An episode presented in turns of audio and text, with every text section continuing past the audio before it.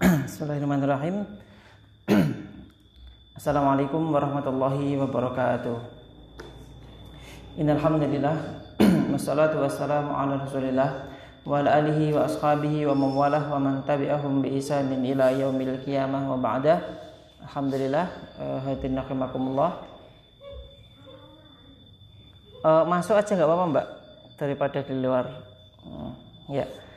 Alhamdulillah hadirin di sore hari ini kita semuanya bisa berkumpul bermajelis bersama di masjid yang dimudahkan oleh Allah Subhanahu wa taala ini dalam rangka untuk bersama-sama mencari ilmu, talabul ilmi dan untuk memperbaiki dan meningkatkan kualitas ibadah kita. Karena memang eh, yang kita bahas itu adalah fikih Sedangkan fikih itu lebih menjurus kepada ibadah dari tata cara ibadah gitu. Waalaikumsalam.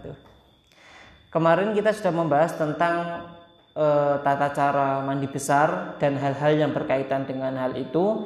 Sekarang pada hari ini kita masuk kepada pembahasan tata cara tayamum. Gitu. Tayamum, tata cara tayamum dan yang berkaitan dengan hal itu. Halaman pinten Mas kalau di situ? 11. Halaman 11. Halaman 11, Mbak. Langsung kita masuk ke bab yang bab kan ada bab tayamum besar nggih. Nah, langsung bab bawahnya yang kaifiyatut tayamum itu. Yang bab kedua dari bab tayamum kaifiyatut tayamum tata cara tayamum. Itu. Kaifiyatut tayamum tata cara tayamum. Ambil lin buku ini, Mas kalau tinggali Oke. Halaman 11 yang tengah. Ya, halaman 11 yang tengah yang kaifiyatu tayamum. kaifiyatu tayamumi tata cara tayamum. Wa kaifiyatu tayamumi dan tata cara tayamum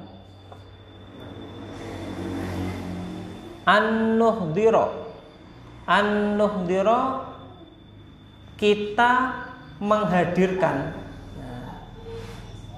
Kita menghadirkan. Ya, debu. Alladhi yang lahu mempunyai gubarun gubar itu kalau debu ya. Kalau debu itu kalau kita ginikan tek kemudian keluar ke mepulnya itu loh. Nah itu namanya gubar. Apa bahasa Jawa ini apa niku? Atau bahasa Indonesia apa? Jadi nah bleduk. Nah bleduk itu. Gubaron itu bleduk betul. Kalau bahasa Jawa kalau bahasa Indonesia apa ya bleduk ya? Nggak tahu. Ya debu tapi kalau debu itu kan umum Nah, kalau ini gubar itu yang anunya tadi, yang ada beleduknya itu, sehingga ada kemupulnya itu. Itu. Terus selanjutnya ya juzu boleh antas ta'mila kamu memakai atina atina itu tanah al musamma yang disebut aindana di kalangan kita nafar napar.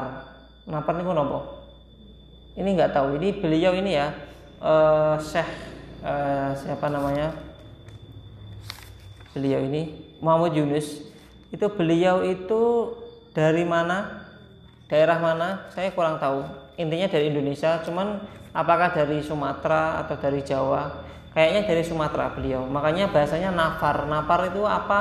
Kita nggak tahu. Gitu. Pakai tanah yang di sana disebut dengan tanah nafar. Itu Ba'da setelah dakihi menepuknya dakotin aidah beberapa tepukan. Hatta sampai asbaha menjadi lahu dia mempunyai gubarun na'imun Gubarun itu debu, naimun itu yang kelihatan. Jadi debunya tanah itu ditepuk-tepuk sampai keluar debunya. Nah, seperti itu. Kemudian setelah kita nemu apa namanya debu tadi, apa yang kita lakukan? Thumma tadribu kemudian kamu memukulkan bikafaika dengan dua telapak tanganmu. Nah, jadi ada debu, tangan dua telapak tangan dipukulkan, tek, itu dipukulkan. Terus selanjutnya wa anta mufarrikun, wa anta dan engkau mufarrikun me, men, apa ya? Mufarrikun itu mencerai beraikan. Jadi bahasa Jawa ini ku benggang nih Nah, jadi nggak gini tapi gini. Itu wa anta mufarrikun asobiaka. Asobiaka itu jari-jarimu. Jadi mencerai beraikan jari-jarimu. Dibuka seperti ini. Oke. Buatam sahu dan kamu mengusap bihi dengannya wajhaka wajahmu. Nah jadi yang dibasuh itu tangan dulu yang diusap itu tangan dulu atau wajah dulu? Wajah dulu ya wajah dulu. Badian memulai bi'a'lahu dengan yang atas. Jadi dimulai dari kepala yang atas wa ta'umuhu dan engkau meratakannya bil mashi dengan usapan. Jadi dimulai dari atas diratakan. Nah, itu. Semua kemudian tadribu engkau memukulkan bikafaika dengan kedua telapak tanganmu sanian lagi. Nah, jadi setelah dipukulkan, dipakai di wajah, dipukulkan lagi. Itu sanian alat turabi di atas debu. Dipukulkan lagi. Watam sahu dan engkau mengusap bikafika dengan uh, telapak tanganmu al yusro yang kiri. Jadi saat ditepukkan yang kiri ini ya. Al yadal yumna tangan yang kanan. Diusapkan ke tangan yang kanan. Ya. Sampai mana? Ilal marofiki sampai ke siku-siku. Summa kemudian bikafikal yumna dengan telapak tangan kananmu al yadal yusro tangan yang kiri kadzalika seperti itu pula wa ta'ummuha dan engkau meratakannya bil mashi dengan usapan. Oke. Okay. Jadi kita masuk dalam bab tayamum. Jadi tayamum niku digunakan ketika apa? Ketika tidak ada air, salah satunya. Itu. Nanti akan kita bahas sebab-sebab bolehnya memakai tayamum itu apa akan ada bab setelah ini. Namun sebelum masuk itu kita perlu tahu tata cara tayamum terlebih dahulu gitu. Nah, tata cara tayamum seperti apa? Yang pertama itu ialah tangan ya kita cari debu dulu tentunya itu. Nah, debu yang dimaksud debu seperti apa? Ya debu yang saya dibilang Mas tadi enek apa itu bleduk tadi lo. Nah, seperti itu. Kalau ini kan kemungkinan ini masih bersih sebelum disapu tadi. Nah, seperti itu. Seperti itu, kemudian ditepukan dua tangannya ditepukan misalkan ini ya ini ini lama nggak dipakai dia ada bleduknya di sini kalau belum disulai meja itu nah atau bawahnya sini ini bawahnya ini ada bleduknya ini nah tangannya ya dua tangan kiri dan kanan ini dibuka seperti ini dibuka bukan gini mufarik aswabiaka dibuka kemudian dipelek dipukulkan Setelah dipukulkan satu kali, dipukulkan satu kali, yang pertama kali diusap ialah wajah dulu, dimulai dari atas, atas ke bawah. Nah, diratakan dari atas ke bawah satu kali saja cukup. Kalau wudhu kan tiga kali. Nah kalau tayamum ini cuma satu kali dari atas ke bawah, seret satu kali cukup. Kemudian kita tepukan lagi ke tempat yang ada debunya tadi, kita pukul lagi tek. Nah ini untuk tangan. Tangannya bagaimana caranya? Tangan kiri, tangan kiri ini digunakan untuk mengusap yang kanan. Gitu.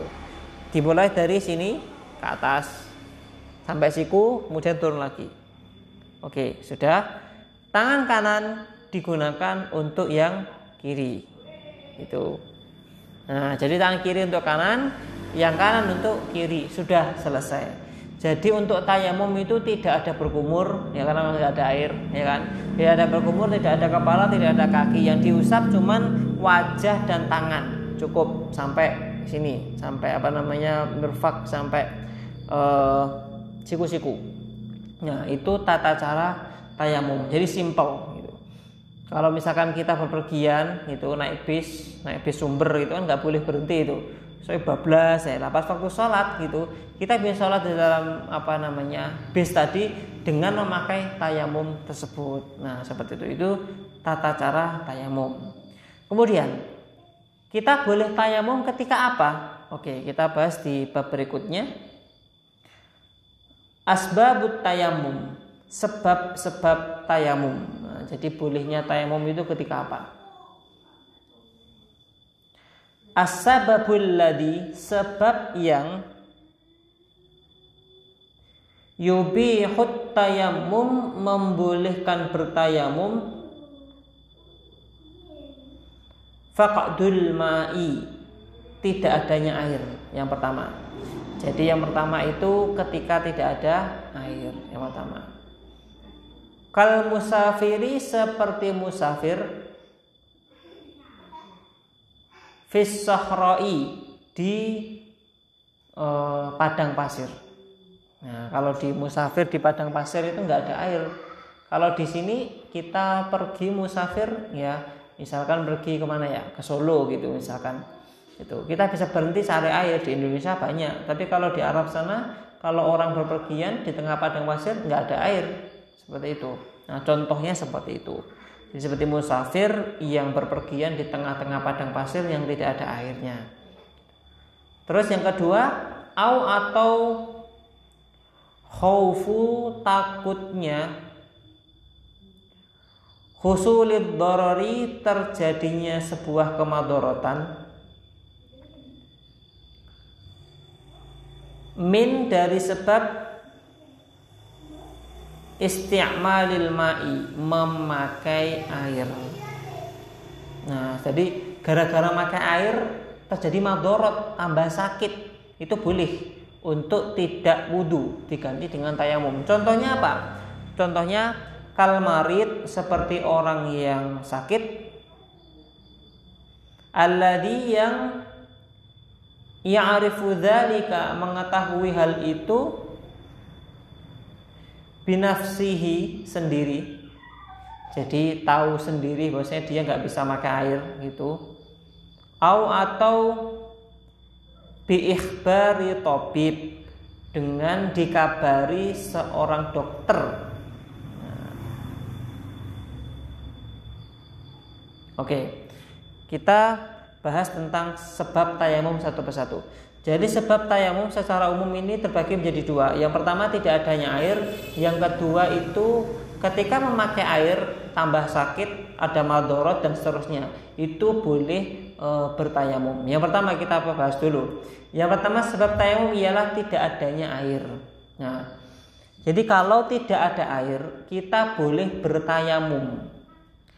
Contohnya apa? Ya, contohnya misalkan kalau di sini airnya jalan terus ngobaten masih jalan gitu masih jalan terus alhamdulillah gitu. Jadi misalkan misalkan kita bepergian muncak ning gunung gitu. Pergian muncak ke gunung kemudian kita cuma membawa air minum ya air minum tiga botol. Kalau air minum ini kita pakai berwudu padahal kita enam enam orang satu rombongan airnya tiga botol kalau tiga botol ini kita pakai untuk berwudu enam orang habis. Kalau habis nggak ada minum. Kemudian kalau nggak ada minum lemes bisa meninggal. Maka dalam keadaan seperti ini boleh untuk bertayamum karena tidak ada air gitu ya. Nah itu ada air air minum tadi. Nah air minum, air minum itu nanti kalau kita jadi lebih penting me, mempertahankan kehidupan kita ya daripada tayamum daripada wudhu karena wudhu ada penggantinya tayamum tadi. Nah seperti itu. Jadi kalau tidak ada air boleh untuk bertayamum. Contoh lagi, misalkan gitu. Nah gini, kriteria tidak ada air itu seperti apa? Kriteria tidak ada air itu pertama harus dicari dulu jadi tidak boleh kita tidak mencari kemudian duduk wes ganek banyu tayamume nah itu tidak boleh contohnya ya misalkan di sini tidak ada air. Di sini di kamar mandi tidak ada air. Kemudian wah sekarang nggak ada air tayamum aja. Itu tidak boleh belum boleh untuk bertayamum. Karena apa? Belum berusaha untuk mencari dulu. Seharusnya kita mencari. Oh mbak menawa neng tonggo misalkan di TK oh di TK ada air. Ya harus ke sana. Harus sujud di sana. Karena di sana yang ada air, harus mencari dulu. Tidak boleh kita tidak mencari juk-juk, wes nggak ada air, tayamum aja. Itu tidak boleh. Pertama, syarat pertama harus dicari dulu. Yang kedua, ya, waktu mencarinya itu masih dalam waktu sholat. Artinya gini, eh, misalkan ya sholat duhur jam 12. Oh di sini nggak ada air, nah di sini nggak ada air, adanya di TK. Jalan dari sini ke TK itu kan dekat tidak menghabiskan waktu sholat duhur nah, itu wajib untuk sampai ke situ nah, ada kasus lagi. Di daerah sini tuh nggak ada. Neng desa sini tuh nggak ada semuanya. Adanya ya misalnya neng mana ya? Neng wates misalnya gitu. Nah kalau kita ke sana balik sini itu waktunya terlalu lama gitu, terlalu lama kemudian kesel kemudian menghabiskan waktu bahkan bisa sampai sholat asar sholat duhurnya itu kelewatan. Nah baru di sini itu tidak perlu mencari sampai ke sana cukup dengan menggunakan tayamum tadi. Jadi intinya pertama dicari dulu. Oh kalau memang memungkinkan untuk masih dicari itu harus pakai air dulu. Tapi kalau sudah tidak bisa memungkinkan maka wajib eh maka boleh untuk menggunakan tayamum tadi. Itu yang pertama yang dicari. Ya harus dicari. Itu. Tidak boleh gampang-gampangan. Karena saya pribadi dulu itu gampang-gampangan dulu di Jumapolo di pondok saya di sana Jumapolo itu airnya itu kadang habis gitu. Dan adanya itu ada air ya di dalam sumur. Sumurnya sumur nopo niku? Eh, yang segini itu loh sumur pakai pakai sanyo itu loh. Jadi nggak bisa ditimbuk itu gitu. tapi kan ada airnya di dalam. Dulu saya gampang-gampang aja wis gak air tayamum gitu. Gak ada air tayamum gitu. Ternyata setelah tahu ilmunya seperti itu. Jadi tidak boleh kita gampang-gampang tayamum. Kudu dicari dulu. Karena dulu kalau dicari ada di masjid jadi pondok dengan masjid. Di masjid itu ada airnya meskipun di pondok habis. Nah seperti itu. Itu kalau dicari masih ada harus tetap pakai air tersebut. Karena yang namanya tayamum itu pengganti dari wudhu itu pengganti. Ya pengganti itu ya harus dalam keadaan darurat tidak boleh gampang-gampangan. Nah, seperti itu. Itu pertama ketika tidak ada air. Yang kedua ketika takut dengan memakai air ya. Yang kedua takut dengan memakai air itu jadi tambah sakit tambah sengsara atau memperlambat sembuhnya penyakit. Contoh yang pertama. Contoh pertama ialah ketika memakai air itu tambah sakit. Contohnya nopo? Misalnya ada orang ya, ada orang habis operasi. Habis operasi tangannya misalkan tangannya patah habis dioperasi. Nah, bekas luka operasi itu itu kalau kalau dikasih air sakit gitu. Nah, maka di situ dia boleh bertayamum. Boleh bertayamum itu. Atau ya ketika ada sebuah keadaan yang mana ketika memakai air itu memakai air itu tambah badan kita ini jadi e, semakin sakit. Contoh ya contohnya misalkan kita di kutub di kutub pokoknya tempat dingin sekali gitu. Ya, itu ya kalau orang wudhu jangankan wudhu melepas jaket saja itu wis kademen. Apalagi tambah wudhu seperti itu bagaimana hukumnya boleh bertayamum karena kalau kita lepas jaket, wudhu dan seterusnya, apalagi di luar ya, apalagi di luar. Kalau di dalam ruangan masih memungkinkan. Kalau di luar tidak memungkinkan, maka boleh untuk bertayamum. Atau contohnya lagi yang ketiga tadi memperlambat sembuhnya. Kalau pakai air, rambutnya sembuhnya tambah lama. Ya tadi misalkan ada luka, gitu.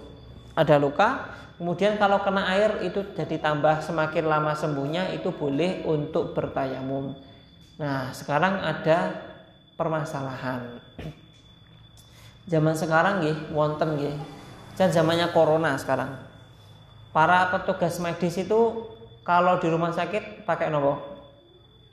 Baju yang putih-putih itu hazmat itu, nggih? Baju yang putih-putih yang digunakan untuk petugas medis itu, itu kan mereka tidak boleh dilepas? Selama di rumah sakit itu tidak boleh dilepas. Misalkan dia bertugas dari jam 8 sampai jam 4 misalkan. Jam 8 pagi sampai jam 4 berarti di situ ada sholat apa? Sholat duhur sama asar. Ngerti padahal tidak boleh melepas baju itu. Apakah boleh diganti dengan tayamum jawabnya iyalah boleh. Mengapa? Karena orang yang pakai baju hazmat itu itu pak sama dengan orang yang pakai perban nah kalau orang pakai perban, ya, contohnya orang pakai perban itu dia boleh wudhunya itu hanya dengan mengusap atasannya saja. Atasannya saja diusap, tidak perlu apa namanya dibasahi bawah-bawahnya itu tidak perlu. Nah seperti itu juga orang yang memakai baju hazmat tadi. Orang memakai baju hazmat tidak perlu pas wudhu dicopot, di wudhu dicopot tidak, jadi cuma diusap saja itu sudah sah insya Allah. Nah seperti itu, makanya uh, itu untuk yang baju hazmat. Misalkan lagi tadi kalau misalkan ada di antara keluarga kita, kemudian dia itu harus memakai tadi perban. Nah, kalau wudhu tidak perlu dilepas, cukup untuk diusap saja atasnya. Kalau masih memungkinkan untuk wudhu. Jadi gini, misalkan gini, misalkan lukanya di tangan, lukanya di tangan, di perban, itu, di perban, di kip. Tapi dia masih bisa wudhu. Bagaimana hukumnya? tetap harus wudhu dulu. Wudhu seperti biasa tapi khusus untuk tangan ini cuma diusap tok. Seret. Nah seperti itu. Pakai air. Nah, itu boleh. Itu sudah sah insya Allah itu ya. Itu ya sebab sebab tayamum. Jadi ada dua e, tidak adanya air yang kedua kalau pakai air itu tambah madorotnya tambah susahnya tambah sakitnya nah itu boleh diganti dengan tayamum Nah sekarang berikutnya bab berikutnya ialah syurutut tayamum syaratnya bertayamum. Jadi orang tayamum itu syaratnya seperti apa? Yang pertama, wujudul udri adanya alasan al-mubih lahu yang membolehkan hal tersebut. Jadi adanya alasan yang membolehkannya bertayamum itu yang pertama. Yang kedua, duhulu waktu sholat. Duhulu masuknya waktu sholat, waktu sholat. Yang ketiga, tolabul ma'i, mencari air. Nah, ini mencari air itu syaratnya kayak yang saya ceritakan tadi. Yang keempat At-turabu tahur At-turabu debu at-tahuru yang suci Alladhi yang lahu hubarun mempunyai beleduk tadi. Jadi debu yang ada beleduknya. Nah, syaratnya ada empat. Oke, kita bahas satu persatu. Syarat yang pertama ialah wujudul udri al mubih lahu, adanya alasan tadi. Alasan dibolehkannya bertayamum. Alasan dibolehkannya bertayamum tadi ada berapa? ada dua, ya kan? Yang pertama tidak adanya air, yang kedua kalau pakai air tambah sakit, tambah sengsara, kemudian tambah lama sembuhnya. Nah, itu itu alasan dibolehkannya bertayamum. Jadi dua hal ini harus ada salah satunya. Itu yang pertama. Kemudian yang kedua, tayamum itu harus masuk waktu sholat dulu. Kita ambil contoh. Isya sana ini jam berapa? Jam berapa Mas Rahmat? Isya jam berapa? Jam 7. Ya? Jam 7 ya? Nah, Isya jam 7, jam 7 pas gampang gitu ya. Ini masih 15 menit lagi. Misalkan sekarang 15 menit sebelum Isya. Ini tidak ada air gampang ini nggak hujan, nggak ada air sama sekali kemarau. Nah, jam 7 kurang seperempat sebelum masuk waktu sholat Isya, bolehkah kita bertayamum? Jawabannya tidak boleh. Jawabannya tidak boleh. Karena tayamum itu harus masuk waktu sholat dulu. Jadi harus jam 7 adzan waktu masuk sholat isya baru boleh bertayamum. Mengapa demikian? Ya, karena tayamum itu apa? Hukumnya sebagai peng, pengganti, pengganti dari wudhu. Dan pengganti itu ya, itu ya pengganti itu ban serep. Ban serep itu ya cuman sebagai antisipasi saja.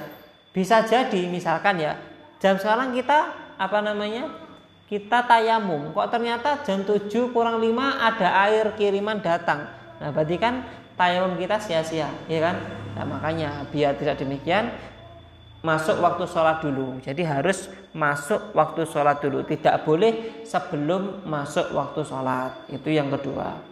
Yang ketiga tolabul ma'i harus mencari air. Nah yang saya ceritakan tadi harus mencari dulu. Tidak boleh gampang-gampang anu sekarang banyu es tayung tayung nah itu nggak boleh.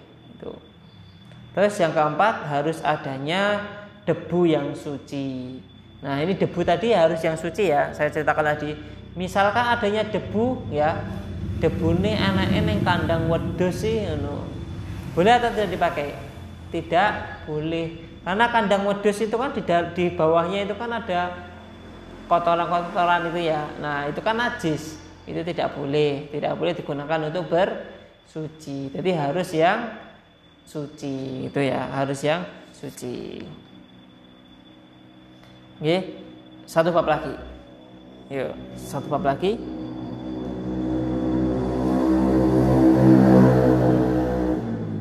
Faraidul faraidut tayamum. Rukun tayamum.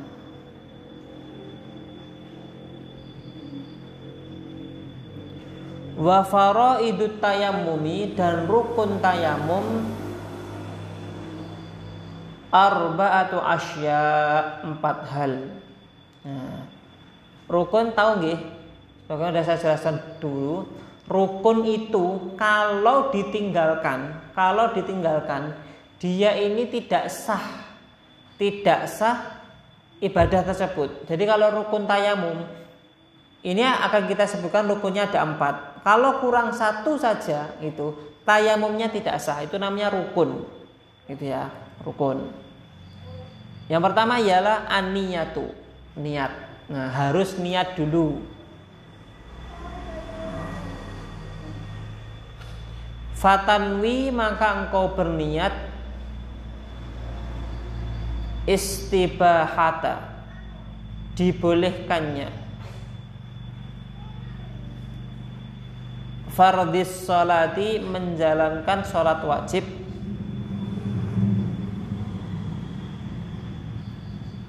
Tolaban untuk mencari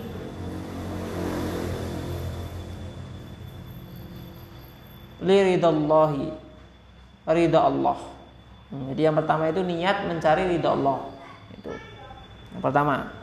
Yang kedua mashul wajhi. Mengusap wajah.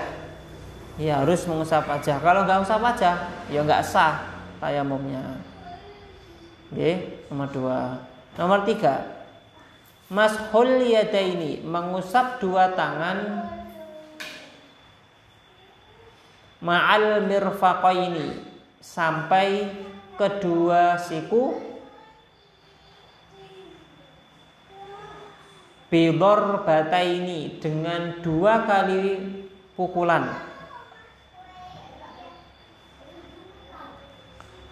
Dorbatin satu pukulan. Lil wajhi untuk wajah wa dorbatin dan satu pukulan lagi. Lil yadaini untuk dua tangan. Yang terakhir nomor empat. At-tartibu berurutan uh, kama dzakarna sebagaimana yang kami sebutkan. Oke. Jadi rukun tayamum itu ada empat. Ya, yang pertama niat. Ini semua ibadah harus ada niatnya. Kalau orang gak niat itu tidak sah. Contohnya ingatan. Orang tayamum, ya tayamum, tapi niate aku engko nara tayamum dilokni wong liya. Nah, berarti niatnya sah atau tidak? Tidak sah. Karena niatnya bukan untuk mencari ridho Allah. Nah, niat tayamum ingin sholat, nah itu bisa. Itu niat yang penting nomor satu. Yang kedua mengusap wajah. Nah ini sebagai saya sebutkan tadi dari atas ke bawah itu diratakan wajahnya dulu. Tidak boleh tangan dulu, harus wajah dulu. Kemudian yang kedua ialah mengusap tangan ya, tangan kanan pakai tangan kiri, tangan kiri pakai tangan kanan. Itu dua kali pukulan. Jadi wajah sendiri, tangan sendiri seperti itu. Itu rukunnya seperti itu. Yang terakhir ialah e, berurutan. Jadi tidak boleh dibalik. Ah, sensasi lah. Tangan dulu, kemudian baru wajah. Nah itu tidak tidak boleh. Jadi harus niat kemudian wajah, kemudian apa namanya e, tangan. Nah, harus berurutan seperti itu. Itu ialah rukun-rukun bertayamum. Oke.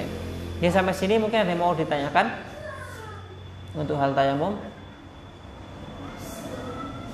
Oke, kalau tidak ada e, kita cukupkan sekian kajian kita pada malam hari ini. Semoga apa yang kita lakukan bisa bermanfaat untuk ibadah kita kemudian bisa mendekatkan diri kita kepada Allah Subhanahu wa taala.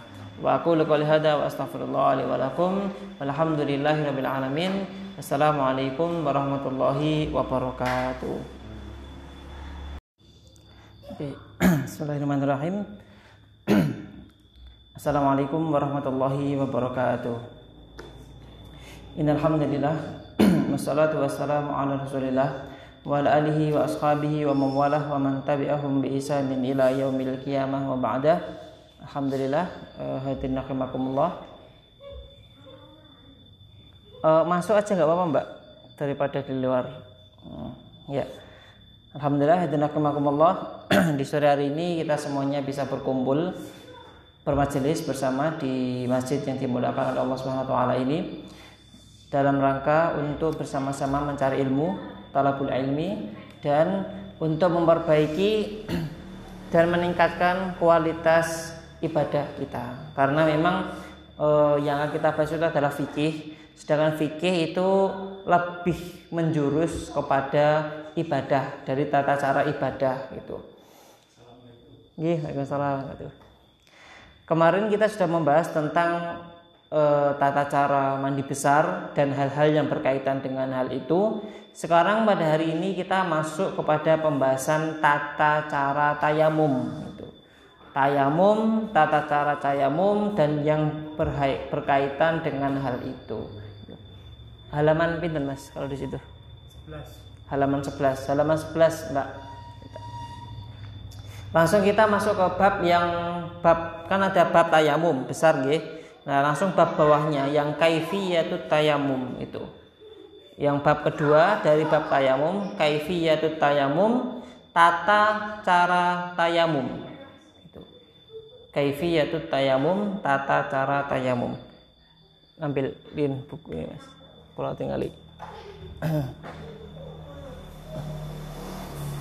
Oke. Halaman 11 yang tengah ya ayat 11 yang tengah yang kaifiyatu tayamum kaifiyatu tayamumi tata cara tayamum wa kaifiyatut tayamumi dan tata cara tayamum an-nuhdira an-nuhdira kita menghadirkan. Kita menghadirkan. Ya, at-turaba debu. Alladhi yang lahu mempunyai gubarun gubar itu kalau debu ya kalau debu itu kalau kita ginikan tek kemudian keluar ke mepulnya itu loh. Nah itu namanya gubar. Apa bahasa Jawa ini apa niku? Atau bahasa Indonesia apa? Jadi nah bleduk. Nah bleduk itu. Gubarun itu bleduk betul. Kalau bahasa Jawa kalau bahasa Indonesia apa ya bleduk ya? Nggak tahu. Ya debu tapi kalau debu itu kan umum nah, kalau ini gubar itu yang anunya tadi yang ada beleduknya itu sehingga ada itu. Itu terus selanjutnya ya juzu boleh. Antas ta'mila kamu memakai atina. Atina itu tanah.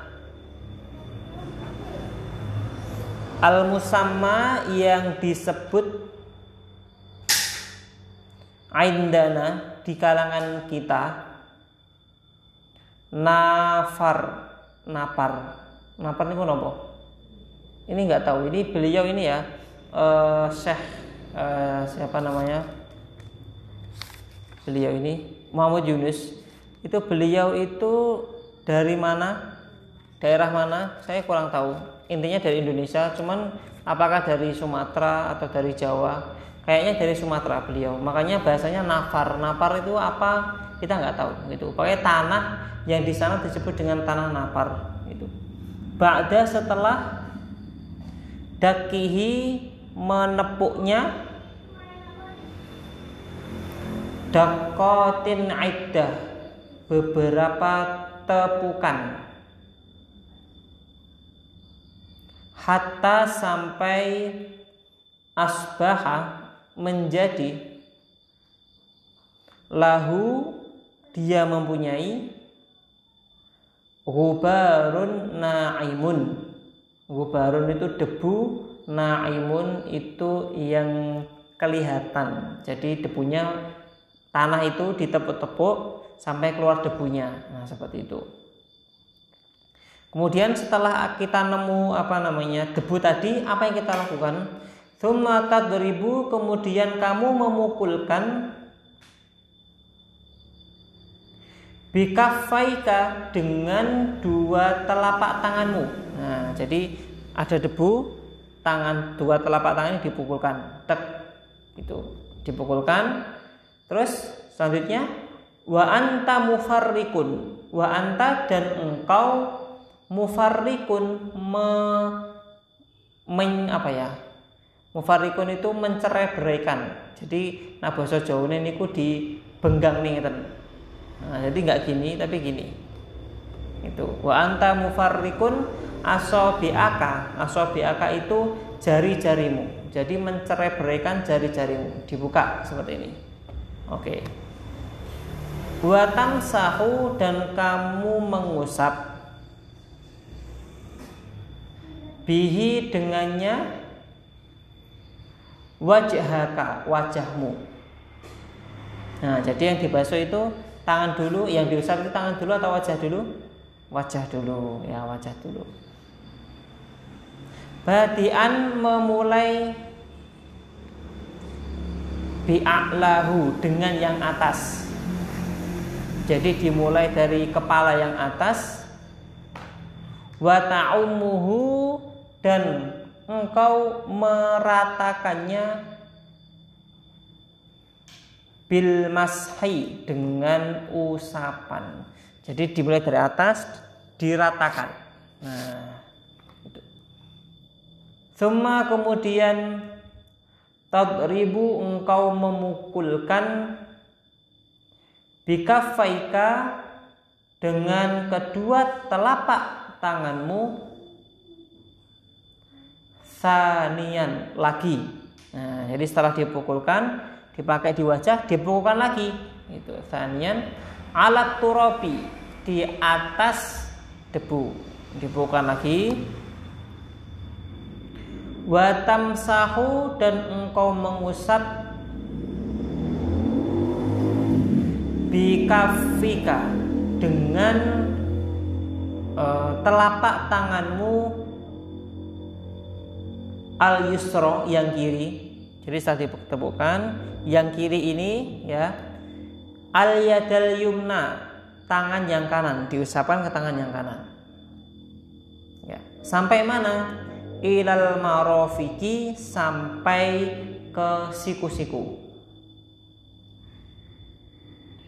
Summa kemudian bikafikal yumna dengan telapak tangan kananmu al yadal yusro tangan yang kiri kadzalika seperti itu pula wa ta'ummuha dan engkau meratakannya bil mashi dengan usapan. Oke. Okay. Jadi kita masuk dalam bab tayamum. Jadi tayamum niku digunakan ketika apa? Ketika tidak ada air, salah satunya itu. Nanti akan kita bahas sebab-sebab bolehnya memakai tayamum itu apa akan ada bab setelah ini. Namun sebelum masuk itu kita perlu tahu tata cara tayamum terlebih dahulu gitu. Nah, tata cara tayamum seperti apa? Yang pertama itu ialah tangan, ya kita cari debu dulu tentunya itu. Nah, debu yang dimaksud debu seperti apa? Ya debu yang saya dibilang Mas tadi enek apa itu bleduknya tadi lo. Nah, seperti itu. Kalau ini kan kemungkinan ini masih bersih sebelum disapu tadi. Nah, seperti itu. Seperti itu, kemudian ditepukan dua tangannya ditepukan misalkan ini ya ini ini lama nggak dipakai dia ada bleduknya di sini kalau belum disulai meja itu nah atau bawahnya sini. Ini bawahnya ini ada bleduknya ini. Nah tangannya ya dua tangan kiri dan kanan ini dibuka. Seperti ini dibuka bukan gini. Mufarik aswabiaka dibuka kemudian dipelek dipukulkan. Setelah dipukulkan satu kali dibuka satu kali yang pertama kali diusap ialah wajah dulu. Dimulai dari atas. Atas ke bawah. Nah, diratakan dari atas ke bawah satu kali saja cukup. Kalau wudhu kan tiga kali. Nah kalau tayamum ini cuma satu kali. Dari atas ke bawah seret satu kali cukup. Kemudian kita tepukan lagi ke tempat yang ada debunya tadi. Kita pukul lagi tek. Nah ini untuk tangan. Tangannya bagaimana caranya? Tangan kiri tangan kiri ini digunakan untuk mengusap yang kanan. Gitu. Dimulai dari sini ke atas. Sampai siku kemudian turun lagi. Oke sudah. Tangan kanan digunakan untuk yang kiri. Itu nah jadi tangan kiri untuk kanan yang kanan untuk kiri. Sudah selesai. Jadi untuk tayamum itu tidak ada berkumur ya karena tidak ada air ya kan. Tidak ada berkumur, tidak ada kepala, tidak ada kaki. Yang diusap cuman wajah dan tangan. Cukup sampai sini, sampai apa namanya mirfak sampai uh, siku-siku. Nah, itu tata cara tayamum. Jadi simple gitu. Kalau misalkan kita bepergian gitu naik bis, naik bis sumber gitu kan nggak boleh berhenti itu. Saya bablas ya pas waktu sholat gitu. Kita bisa sholat di dalam apa namanya bis tadi dengan memakai tayamum tersebut. Nah seperti itu. Itu tata cara tayamum. Kemudian kita boleh tayamum ketika apa? Oke kita bahas di bab berikutnya asbabut tayamum sebab-sebab tayamum nah, jadi bolehnya tayamum itu ketika apa? Asbabul ladhi sebab yang yubihut tayamum membolehkan bertayamum faqdul ma'i tidak adanya air yang pertama jadi yang pertama itu ketika tidak ada air yang pertama kal musafiri seperti musafir fis di uh, padang pasir. Nah, kalau di musafir di padang pasir itu nggak ada air. Kalau di sini kita pergi musafir ya, misalkan pergi ke mana ya, ke Solo gitu misalkan. Itu kita bisa berhenti cari air di Indonesia banyak. Tapi kalau di Arab sana, kalau orang berpergian di tengah padang pasir nggak ada air seperti itu. Nah, contohnya seperti itu. Jadi seperti musafir yang berpergian di tengah-tengah padang pasir yang tidak ada airnya. Terus yang kedua, au atau khaufu takutnya husulid dorori terjadinya sebuah kemadorotan min dari sebab isti'malil ma'i memakai air. Nah jadi gara-gara makai air terjadi madorot tambah sakit. Itu boleh untuk tidak wudhu diganti dengan tayamum. Contohnya apa? Contohnya kalmarit seperti orang yang sakit alladhi yang ya'rifu dzalika mengetahui hal itu binafsihi sendiri. Jadi tahu sendiri bahwasanya dia nggak bisa makan air gitu. Au atau biikhbari tobib dengan dikabari seorang dokter. Nah.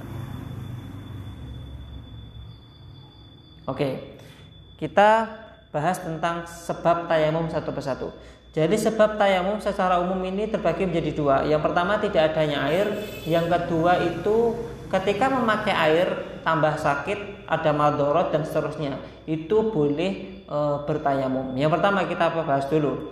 Yang pertama sebab tayamum ialah tidak adanya air. Nah, jadi kalau tidak ada air, kita boleh bertayamum. Contohnya apa? Ya, contohnya misalkan kalau di sini airnya jalan terus ngobaten. Masih jalan nggih. Masih jalan terus alhamdulillah gitu. Jadi misalkan misalkan kita bepergian muncak ning gunung gitu. Pergian muncak ke gunung, kemudian kita cuma membawa air minum ya, air minum tiga botol. Kalau air minum ini kita pakai berwudu, padahal kita enam, enam orang satu rombongan, airnya tiga botol kalau tiga botol ini kita pakai untuk berwudhu enam orang habis.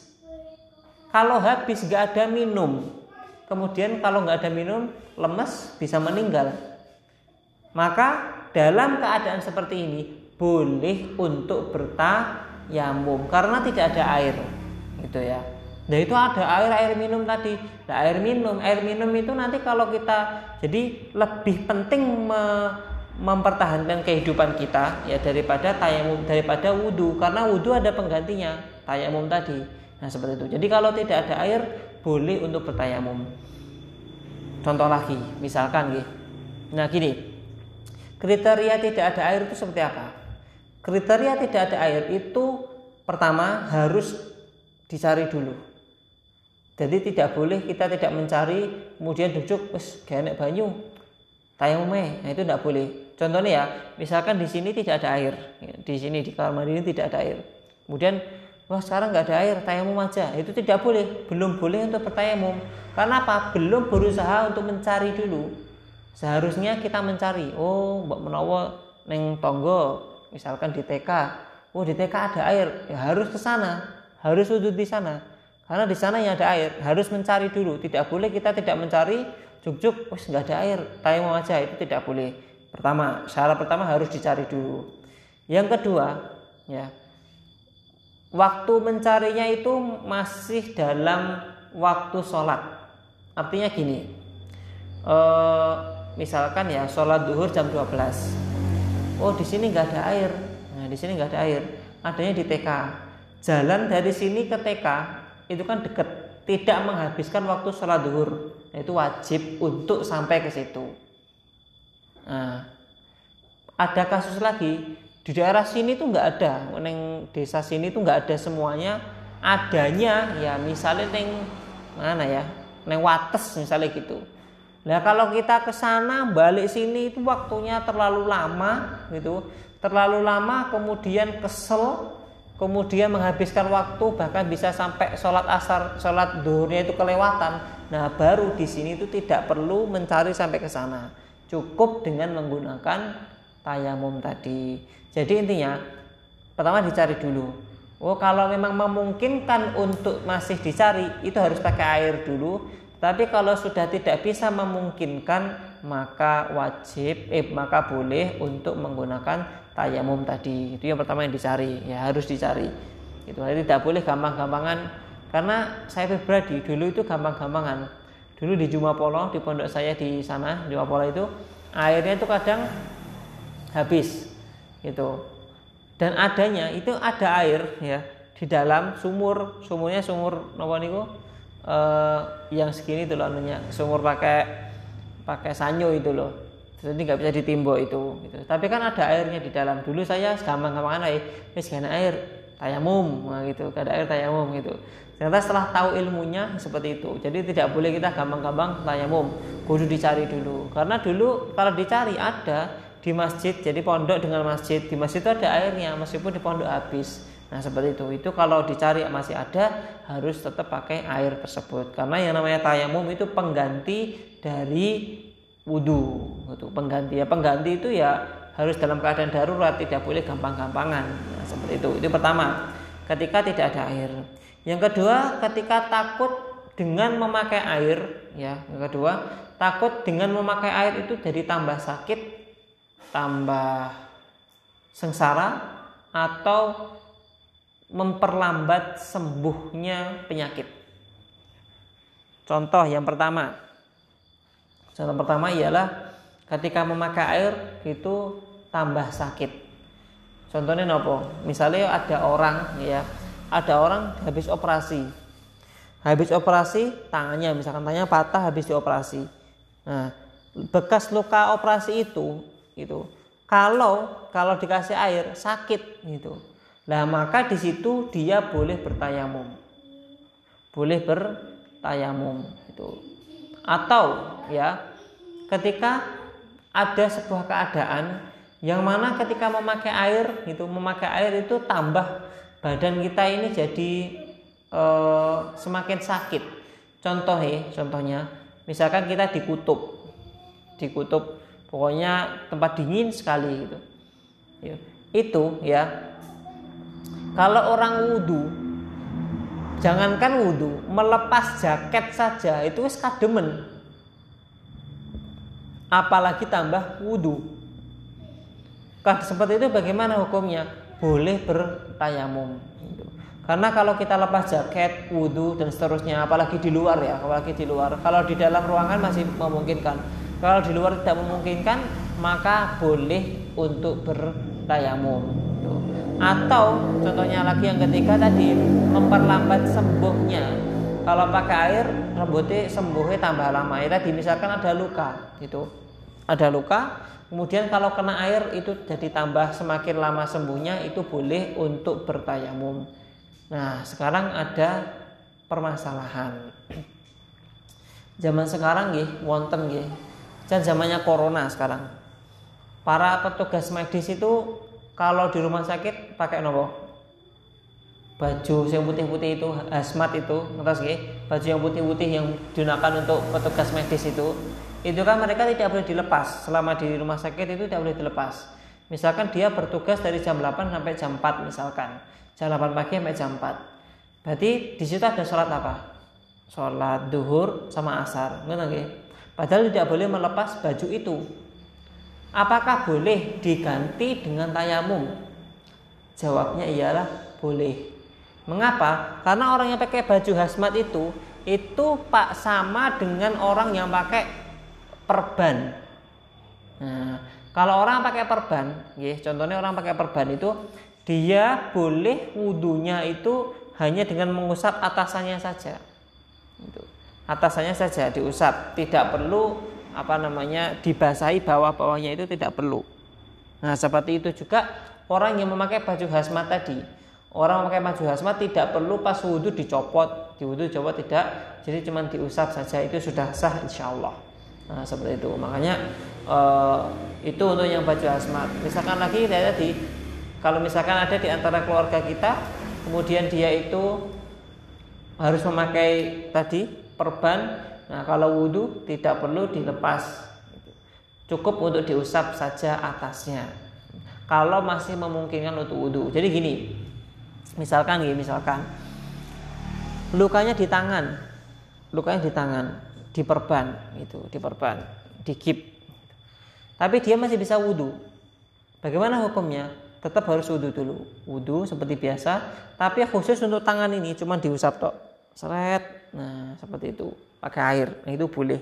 Itu sudah sah insya Allah. Itu ya. Itu ya sebab-sebab tayamum. Jadi ada dua e, tidak adanya air. Yang kedua, kalau pakai air itu tambah madorotnya, tambah susahnya, tambah sakitnya.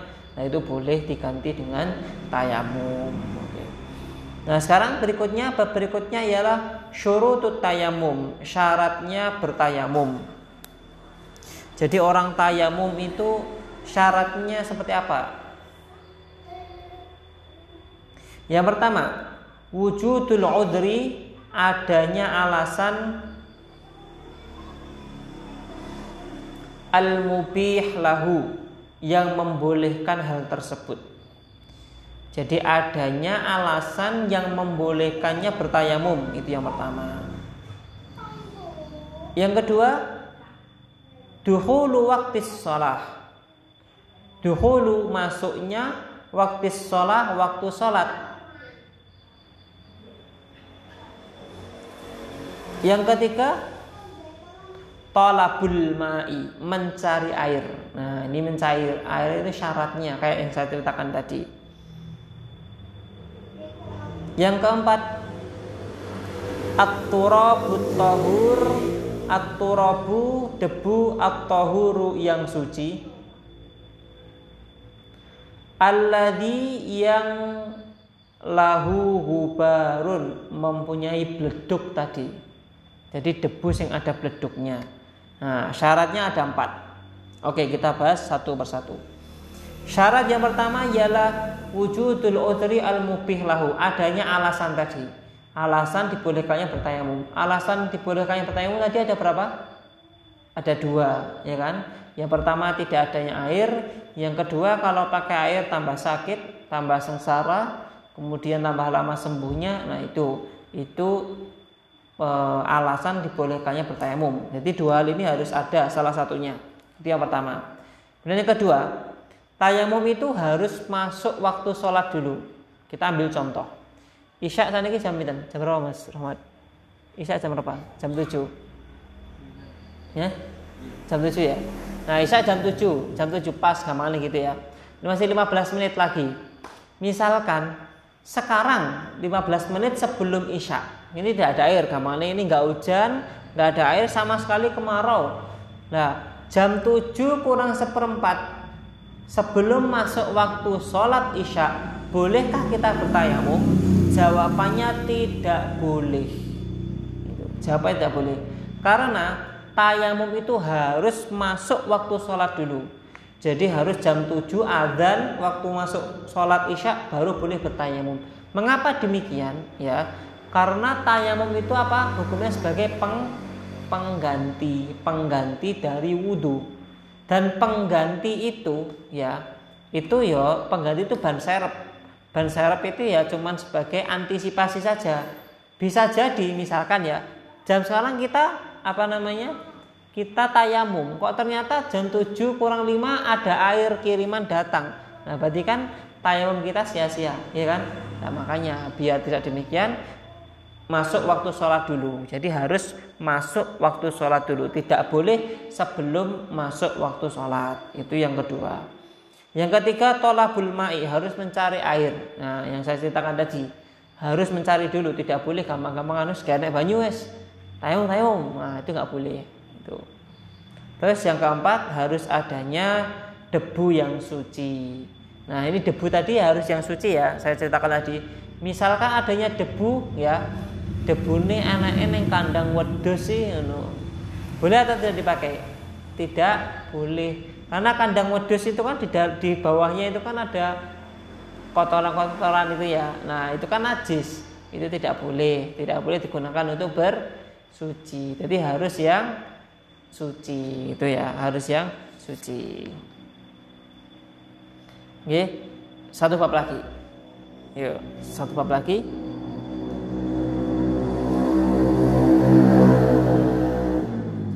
Faraidul faraidut tayamum.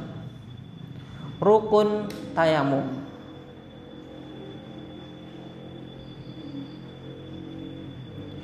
wa faraidut tayammumi dan rukun tayamum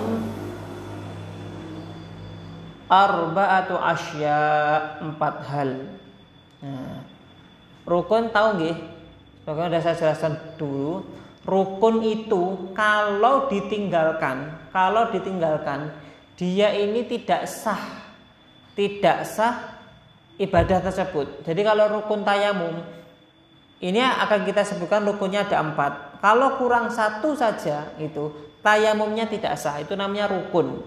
Gitu ya, rukun. Yang pertama ialah aniyatu, niat. Nah, harus niat dulu.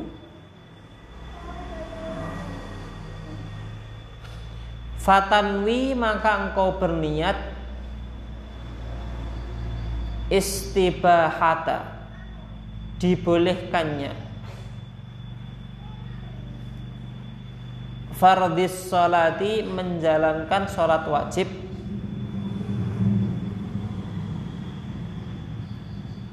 Tolaban untuk mencari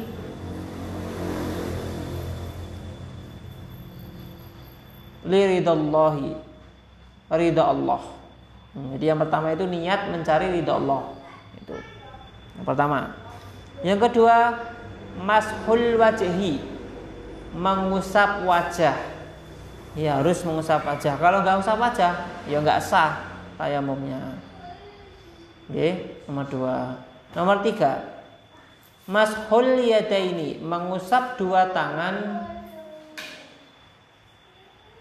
ma'al mirfaqaini. Sampai kedua siku. Bidor bata ini dengan dua kali pukulan.